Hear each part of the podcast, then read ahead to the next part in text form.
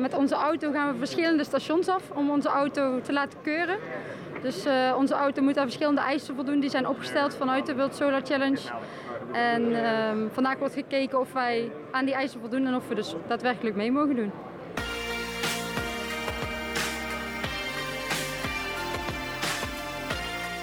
Dit is de World Solar Challenge, een podcast van het Eindhovens Dagblad. Ik ben Manon van den Brekel. En ik ben Jelle Krekels.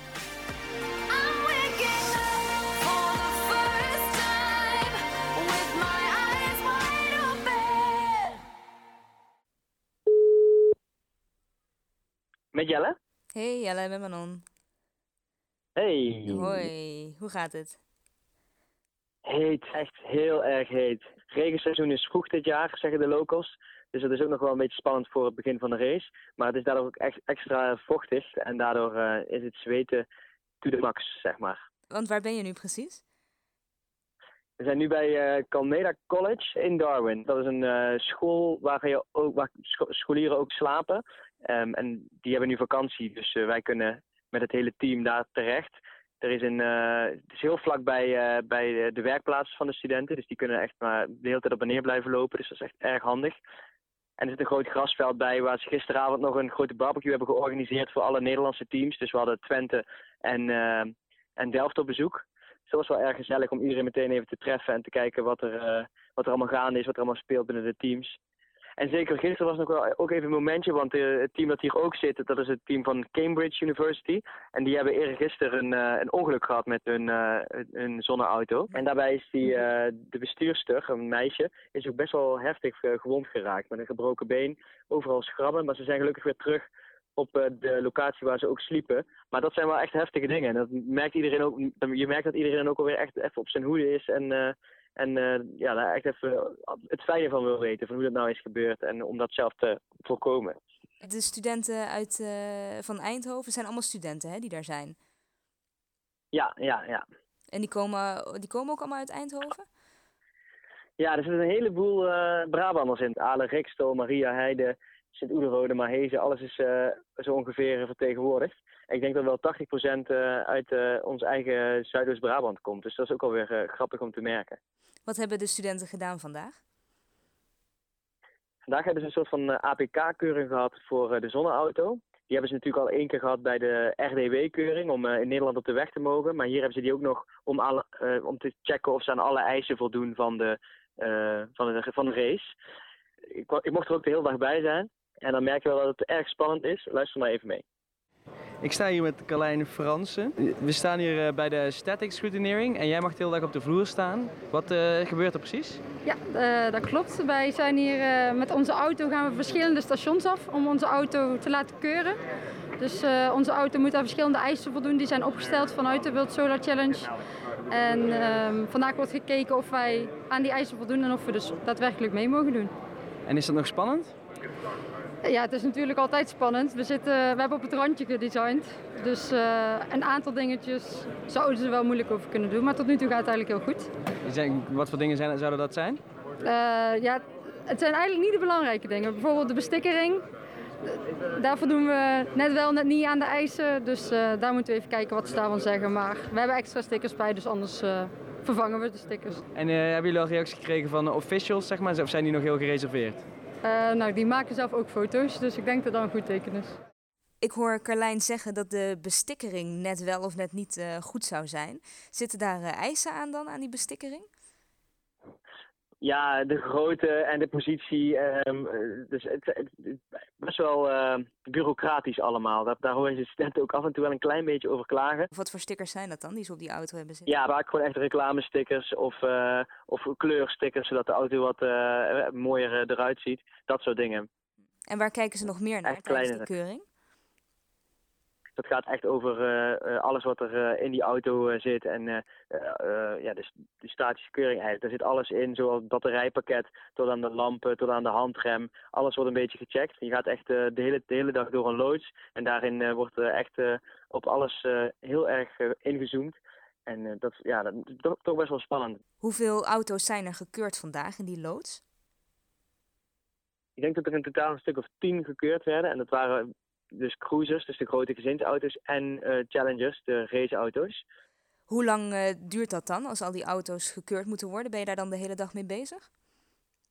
Ja, dat is echt een, een lange dag. Voor, als, voor mensen die niet de vloer op mogen om bij die auto te zijn om de inspecteurs iets uit te leggen, is het echt een lange wachtdag. We waren er denk ik om een uur of acht vanochtend al.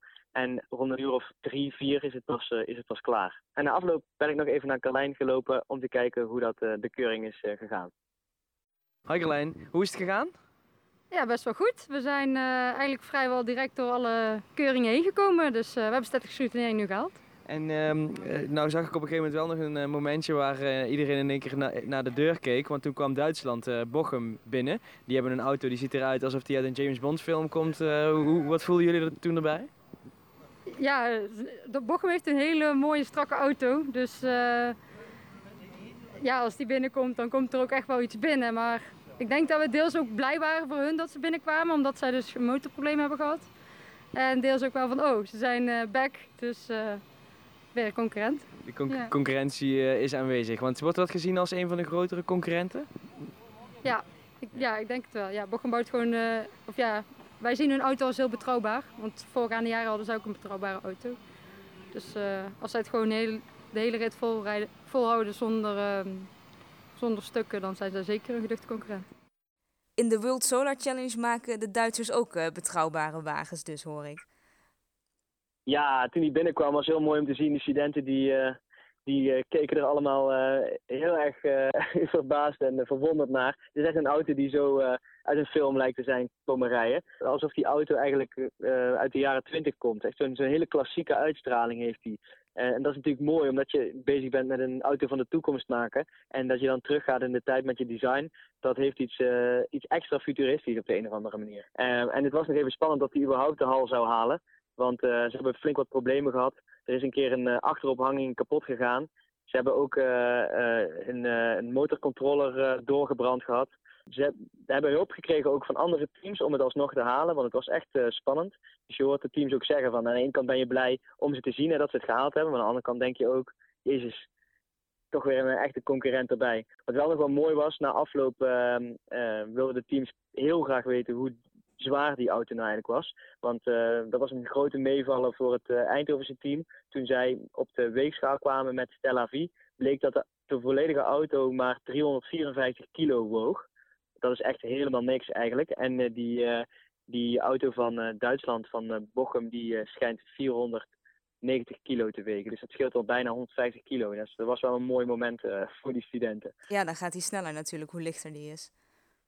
Ja, ja, zeker. En ze hebben ook maar vier stoelen, terwijl dat Eindhoven natuurlijk vijf stoelen heeft. Dus ze, ze zijn in hun hoofd al helemaal bezig met het tellen van de punten die ze, die ze kunnen krijgen. Daar krijgen ze ook punten voor, hoe meer mensen en hoe lichter. Ja, hoe, hoe, lichter is natuurlijk echt inderdaad met snelheid te maken. Maar hoe meer mensen, daar krijg je ook extra punten voor. En zij zitten de hele route waarschijnlijk met z'n vijf in die auto. Dus dat, dat, dat tikt natuurlijk aardig aan. Hoe zien de komende dagen er nu uit?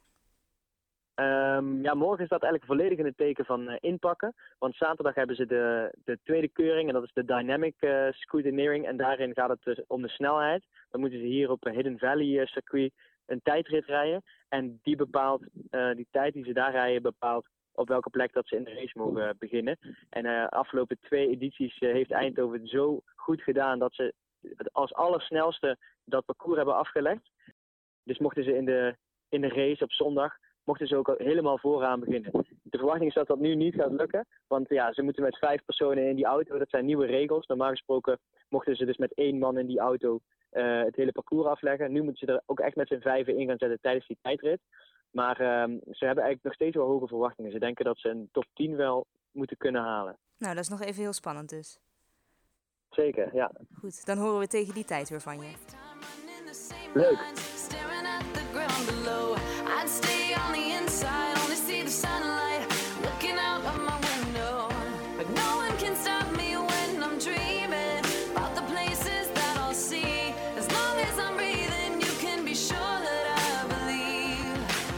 Dit was de tweede aflevering van de World Solar Challenge, een podcast van het Eindhovens Dagblad. Blijf ons volgen voor het laatste nieuws over de race in Australië.